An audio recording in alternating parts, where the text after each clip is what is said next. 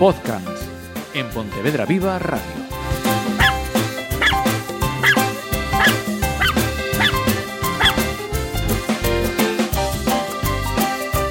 Saludos, ¿qué tal? Estamos de nuevo en otro programa de podcast y para ello tiene que estar, sí o sí, nuestro educador canino Diego Álvarez. Bienvenido. Muchas gracias, como siempre.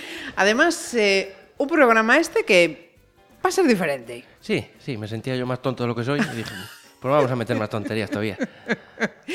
De eso nada. Lo que sí tiene toda la pinta es que nos vamos a divertir. Eso seguro.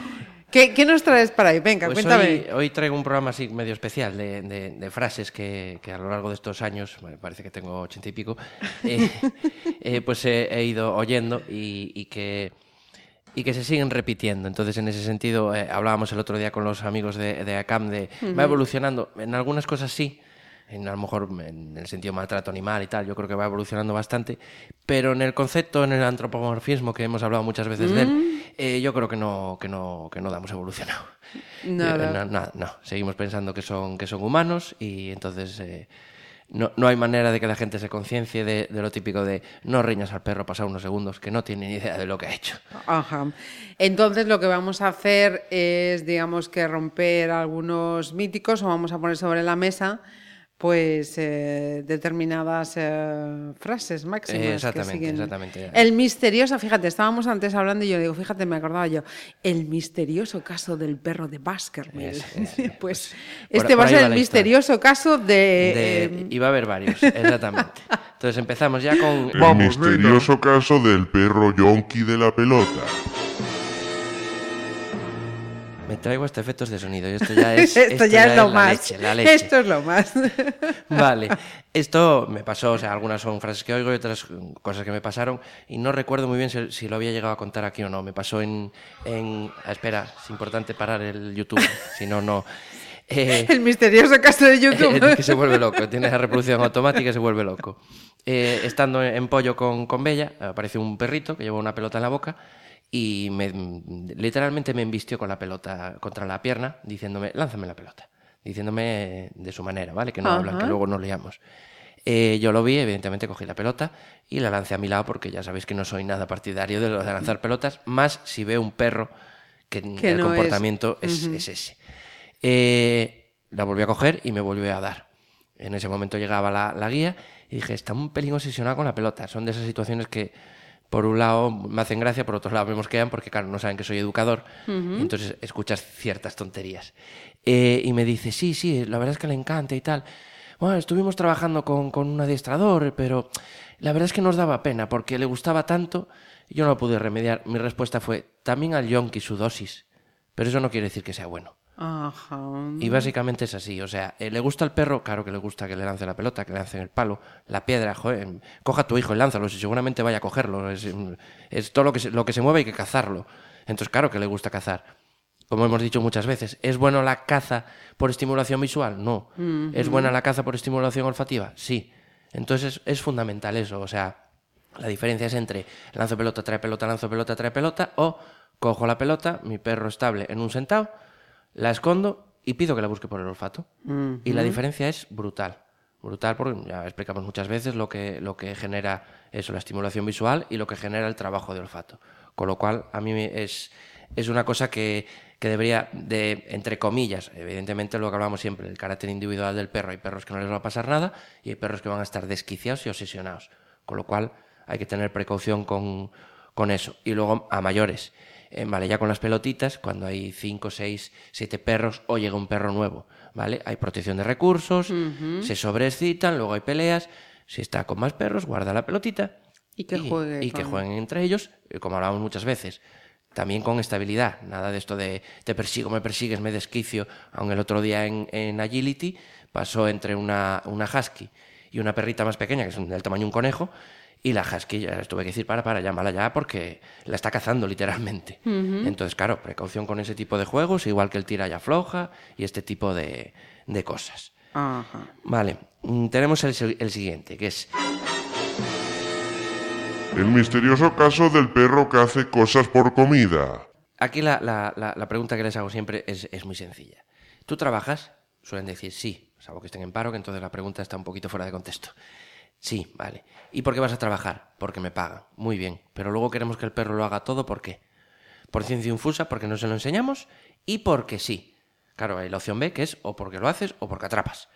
Entonces, eh, es, digamos, eh, una forma de entenderlo es, ese premio, esa chuche, es el sueldo del perro. Con la diferencia de que además jugamos a nuestro favor en el sentido de que va a llegar un punto, acordados del, reforzamiento continuo y el variable, que no tenemos que estar con chuches continuamente encima.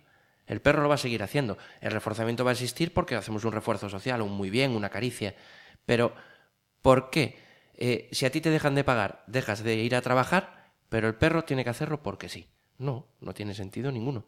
Ni en el perro, ni en, ni en los delfines, ni, ni en ningún animal que haga algún trabajo, le guste más o le guste menos. Evidentemente, a un Cristiano Ronaldo, un Messi, les gustará mucho más su trabajo, cobra muchísimo más. Y a mí, a mí me gusta un montón mi trabajo, ojo. Me, me- me oye mi jefe y me pone en la calle. Me encanta mi trabajo, pero cobro menos. Pero sigo, lo sigo haciendo contento y sigo cobrando. Pues carece de sentido el decir, pues no, lo haces porque sí, no. Eh, aún el otro día, es que me quedé súper sorprendido. Justo enfrente donde trabajo yo, vi una señora que quería que el perro se sentase porque quer- quería acceder a, a un local donde estaban eh, el, el dueño y el hijo.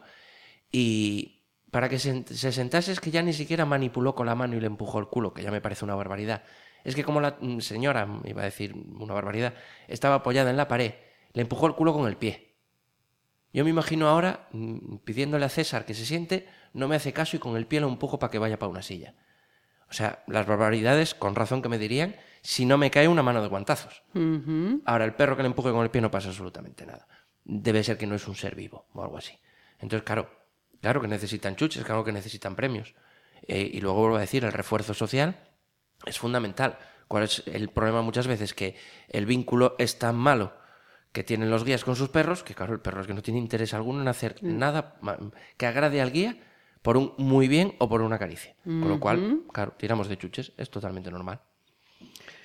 Vamos con entonces el... El tercero, sí, ya vamos con el tercero. El misterioso caso del perro que no entiende el no. Que no entienden, no. Es que me voy a acabar cagando en mis muertos. Es que no entienden nada. No entienden castellano, no entienden inglés, que no entienden idiomas. Volvemos a lo mismo. Trabajan por asociación. Si no hay asociación, no va a hacerlo. Hay gente que me dice, aún me lo decía hoy mi, com- mi compañero de trabajo. eh, yo a mi perrita le digo a tu sitio y se va a su sitio. Claro, previamente a eso, por lo que sea, de forma consciente o inconsciente, le han enseñado a ir a su sitio. El perro por ciencia infusa no va No a lo ha saber. Claro, para, para nada. Igual que no saben lo que sentar, sienta o sit o, o- o como quieras llamarlo en alemán en- o en chino, me da lo mismo. No lo saben si no hay una asociación, ¿vale? Hay asociaciones que pueden ser más sorprendentes que otras, hay otras que son más inmediatas que otras, va mucho en función de, del estímulo, sea positivo sea negativo. Por, por ejemplo, por desgracia, eh, algo tan aversivo como, como el collar de descargas aprende muy rápido. Es una salvajada, pero aprende muy rápido. ¿Por qué? Coño, porque creo que lo dijimos en su momento. Yo meto los dedos en el enchufe de pequeño una vez en mi vida, no lo vuelvo a meter. Pues es exactamente lo mismo. Es la mejor, no, ni mejor ni peor, no debería de ser una forma de, de educación. Pero mm, claro que, que- que- que funcionan así. O sea, o, o me da miedo esto, o me da miedo esto otro, pero me da más miedo esto otro, pues no lo hago. Sí, ¿Vale? las Pues- consecuencias van a ser tasca. Justo, entonces no me compensa. Entonces, vuelvo a decir, no entienden eh, idiomas. Ninguno, me da igual que sea. Es cierto que hay algún, les cuesta menos, por ejemplo, un sit, un sit que un sienta por la longitud de la palabra, ni más ni menos. Cuanto más cortito, más fácil es. Pero hay muchos perros que cuando dices el sh de sit o de sienta, con la S ya se van a sentar, porque ya tienen asociado ese sonido. Entonces eso es muy importante. La siguiente, la siguiente me encanta, esta no, no me cansaré de decirla. El misterioso caso del perro dominante. Eh, eh, yo creo, no sé, yo creo- no sé si hay un, un programa en que no hablamos de, de dominancia. De- Yo, yo creo que en todos. Eh, que sí, que sí, que existen perros dominantes, que existen perros sumisos, eh, que existen mm, gente que te hacen creer que el perro dominante eh, es el perro chulito, el perro que no, que no, que no es así, que esa gente que no, que está desfasadísima ya, ya Esto es como lo puse el otro día en el Facebook. Llamar a un collar de estrangulamiento collar educativo es como llamar a la regla un método de aprendizaje cuando, cuando éramos pequeños. No, no, para nada. Perro dominante, perro estable, perro equilibrado, perro que se comunica bien, que soluciona prácticamente todo sin necesidad de recurrir a la agresividad. Ese es el perro dominante. El perro sumiso, esos son muy claros, perros que llega otro perro y se tuman ofreciendo la panza, que no quieren ningún tipo de lío, ¿vale? Eso es un perro sumiso. Entonces, esto que quede, que quede claro porque me lo siguen diciendo y a veces incluso cuando me lo dicen clientes o exclientes, le digo, Buah, te voy a volver a mandar el archivo de dominancia, ¿eh? Y el vídeo de exacto, y el vídeo de David Meck para que lo le, lo veas porque madre mía de mi vida. Entonces eso que quede claro.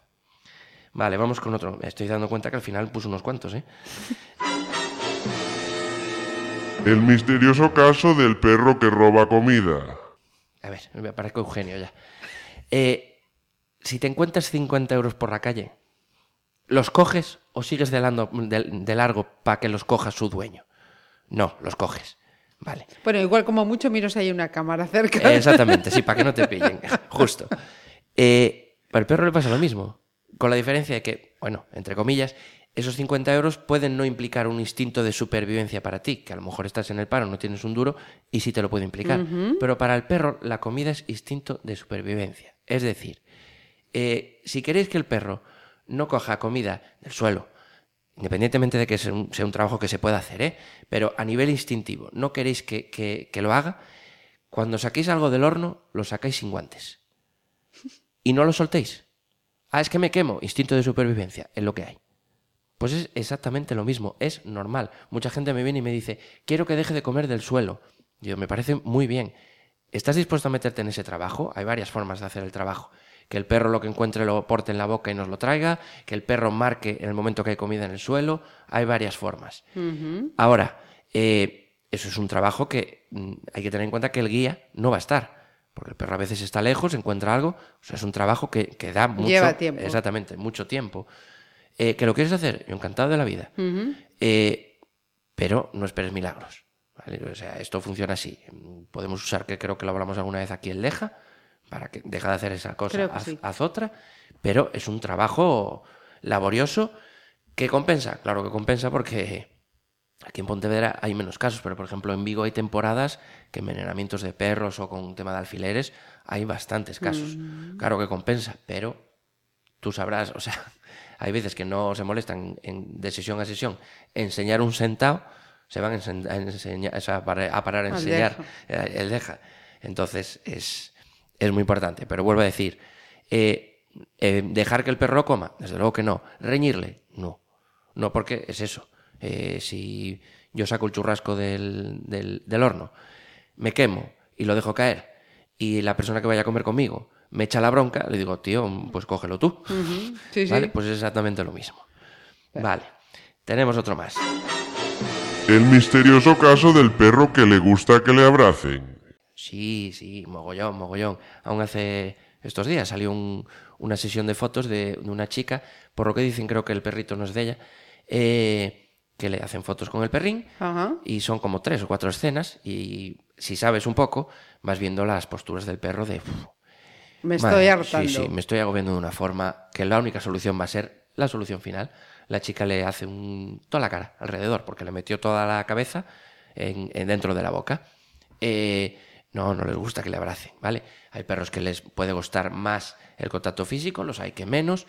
El abrazo es una cosa que en general les suele agobiar mucho a todos. Y luego además, mm, sobre todo en ese tipo de perros pequeños que nos dedicamos a cogerlos en brazos porque viene un perro grande y tal, evitamos socialización y este tipo de cosas. Eh, hay determinados contactos que a los perros no les gusta. Y me dirá, pero es que yo le acerco la cara y me da un lametazo. Lo explicamos en su momento. Señal de calma. Te está diciendo, ponte para allá. ¿Vale? Que también lo explicamos en su momento. Llego a casa, a mí me pasa. Yo llego a casa y Bella, os aseguro que no le gusta mucho que me- le acerque la cara. Eh, y si me agacho, Bella me va a empezar a lamer la cara como una loca. Es un momento de un pico de estrés, de emoción, de estrés positivo, y lo que está haciendo es un saludo social. Los perros entre ellos se lamen la cara, la boca, para saludar. Pero es un momento concreto. Si yo en cualquier otro momento me acerco a Bella a la cara, la va a girar.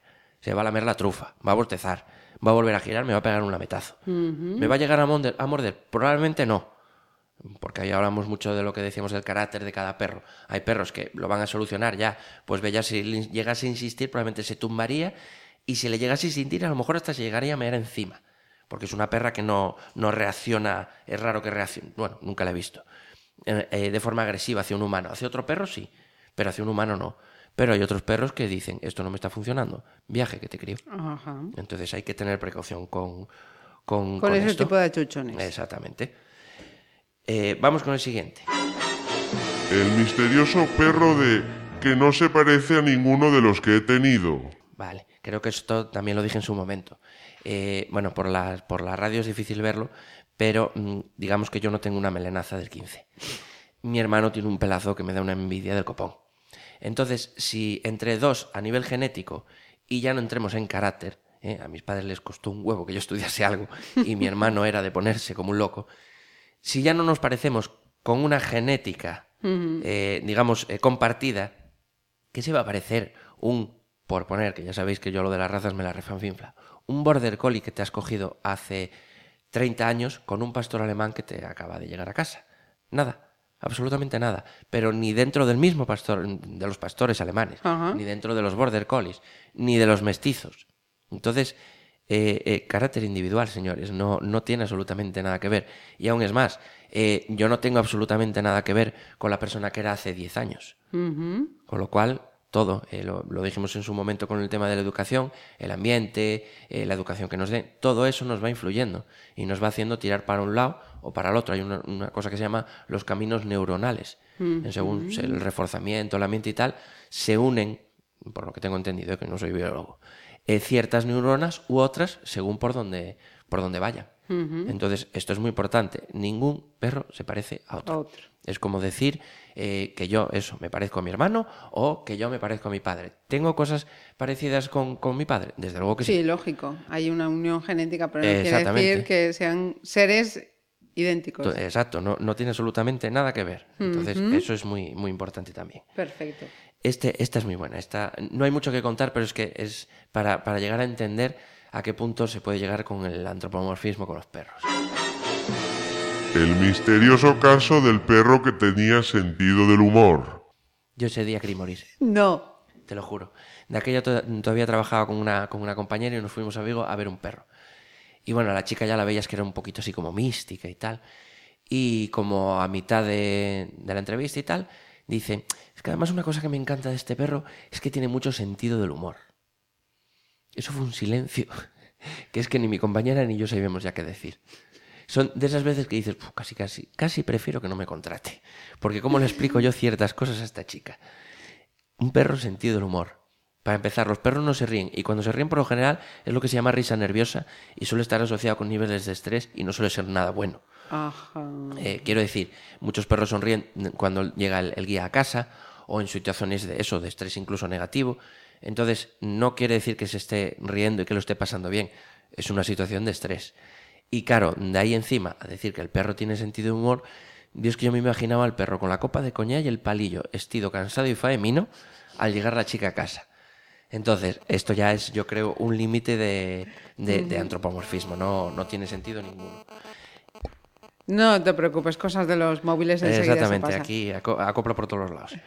Eh, vale, ya solo nos quedan dos, ya para que no me aguantéis mucho más. El misterioso caso del perro que sabe que lo ha hecho mal. Eh, aquí, Además de sentido del humor, tienen conocimiento. exactamente, o sea, tienen cierto. De hecho, eh, estas así últimas las, las junté porque probablemente el, el- el próximo programa lo haga sobre la, la capacidad de abstracción que tenemos hablado muchas veces del perro, en el sentido de, de abstraer, de, de decir.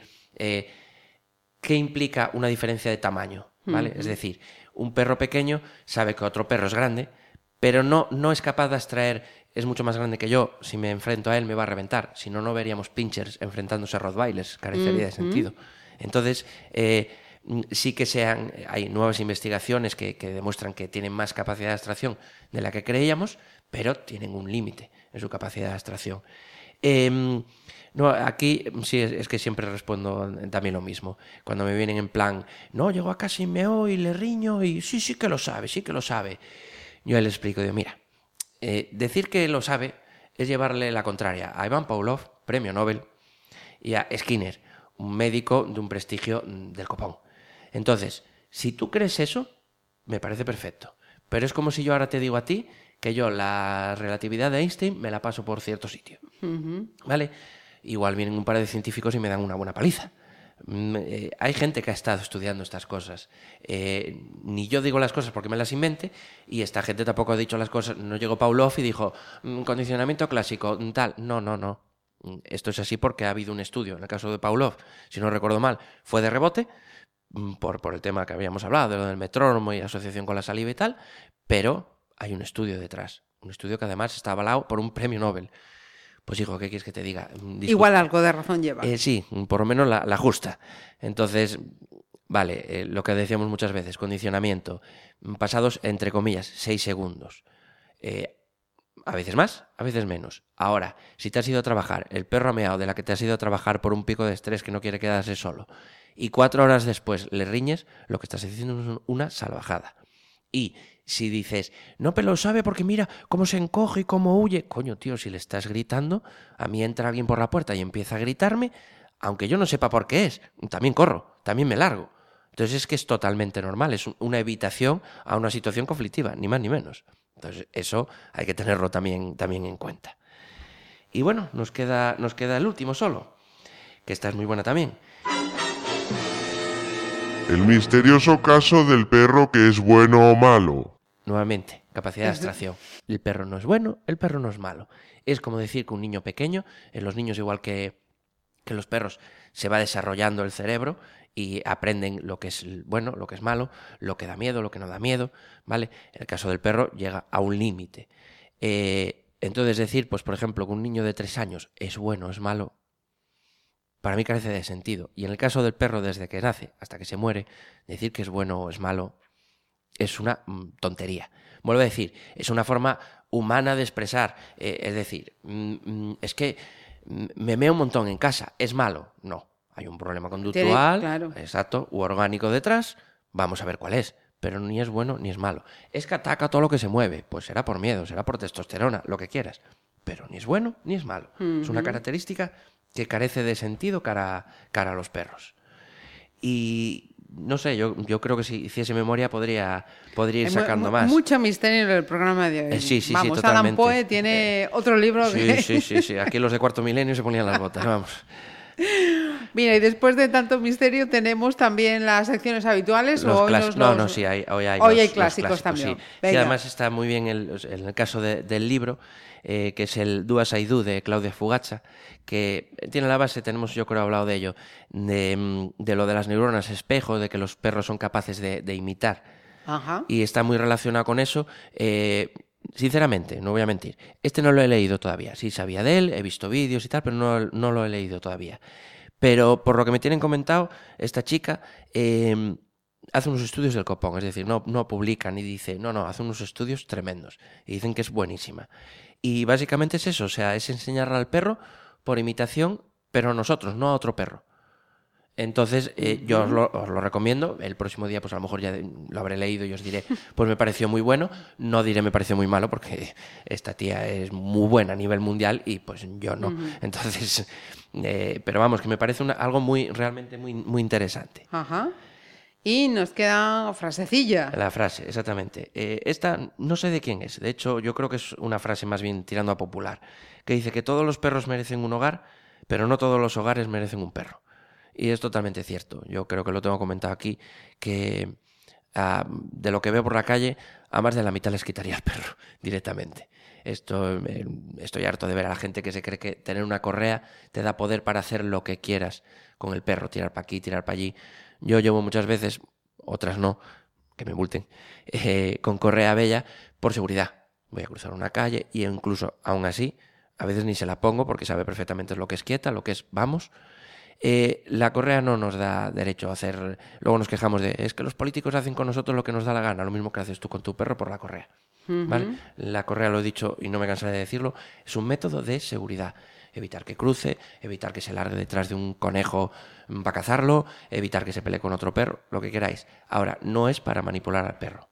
Yo no le, no le enseño a mi hijo, vamos hacia aquí o hacia allí, tirándole de él de la cazadora. Le digo, César o Pitufo, vente por aquí. Pues exactamente lo mismo. No, no da poder. Y el problema es que además al ser humano cuando se le da poder... A veces tiene mucho peligro. Exactamente. Mira, yo voy a dejar mi coletilla también, que es que esta semana me llevo cabreando día sí, día no, que es que la gente sigue sin aprender a recoger las cacas de sus Es- perros. eso es tremendo. Y me he encontrado auténticas montañas esta semana. Es no hay manera. Que me parece... No hay manera. Y, y además, eh, eh, yo creo que los- la gente de los concellos son tontos, directamente. O sea, eh, se invierte en, en coches radar para las velocidades o el multamóvil por el centro, tal, para sacar pasta. Eh, verdaderas barbaridades. Buf, pon gente de incógnito en sitios donde haya mm, perros paseando. Y eh, no seas cruel. La primera vez solo avisa. Pero la siguiente se empieza a multar. Me cago. Tendríamos la ciudad más impresionante del mundo. Pero es que Pues- es, es increíble. O sea, vuelvo a decir, eh, vuelve a ser lo del tema de- de- de- del ser humano. Eso en la, eso en la hierba, eso es abono. Eh, No, no, eh, estaba en plenas baldosas. ¿eh? encima de eso, Sí, sí, o sea, sí. No, no, nada de zona verde, no, no. Yo tengo perro y mm, estoy hasta las narices de, de tener que ir haciendo un slalom. Parece que voy haciendo agility desde, desde donde vivo hasta donde trabajo. Es una verdadera vergüenza. Sí, vergüenza. sí. Vamos a ir todos, ya que vamos, eh, nos critican porque vamos con la cabeza agacha mirando al móvil, no, con la cabeza agacha mirando al suelo porque Sí, te puedes exacto. llevar el premio Sí, a sí. casa. Y vamos a repetir, ¿no? Sí, Hoy, repetimos eh, de, de nuestros amigos de, de Acanceira de Pollo, el perrín que se llama Napoleón, para, para ver si, si logramos que, que salga de ahí. Ya sabéis que, bueno, ya estuvo aquí Elisa y tal, hablamos de varios, de cadeliños, de, de, ¿cómo se llama esto?, de Tú eres nuestra ayuda, de Palleiros, incluso una vez habíamos hablado de un perrín, creo que era de Asturias. Pero bueno, yo Sí. con, con la Canceira en especial por una, una amiga, eh, tengo un, un feeling especial, entonces a ver si, si, Si logramos. conseguimos que, que tenga ese hogar. Exactamente. Hay una cosa importante. Sí. No me mandéis más correos, ¿vale? Está petado. Está petado. No entra más. No entra Son los más. 20 megas están ya están cubiertos, entonces no Vamos no a tener que crear otra Sí, cuenta. sí, podcast2@gmail.com voy a hacer para que me manden más porque esta está ya está que me tiembla, me pita el Mira, móvil vamos a picar a la gente. Eh, ¿En tu calle encuentras cacas de perro? Venga, vamos a hacer una lista de sitios a ver cuál se lleva el ranking. Me parece perfecto. Venga. Venga, el primero que me mande un, un correo le invito a una cerveza. Venga, A lo podcast loco. arroba gmail.com. Te vas a enterar. Madre mía, me, a ir el sueldo este mes. Porque la gente, en cuanto ofreces algo, ahí ya sí que se vuelve locos. gratis. Eh, si es de Siempre gratis, claro, gratis. Si, si pagando no. Diego, muchísimas gracias una semana más. A vosotros.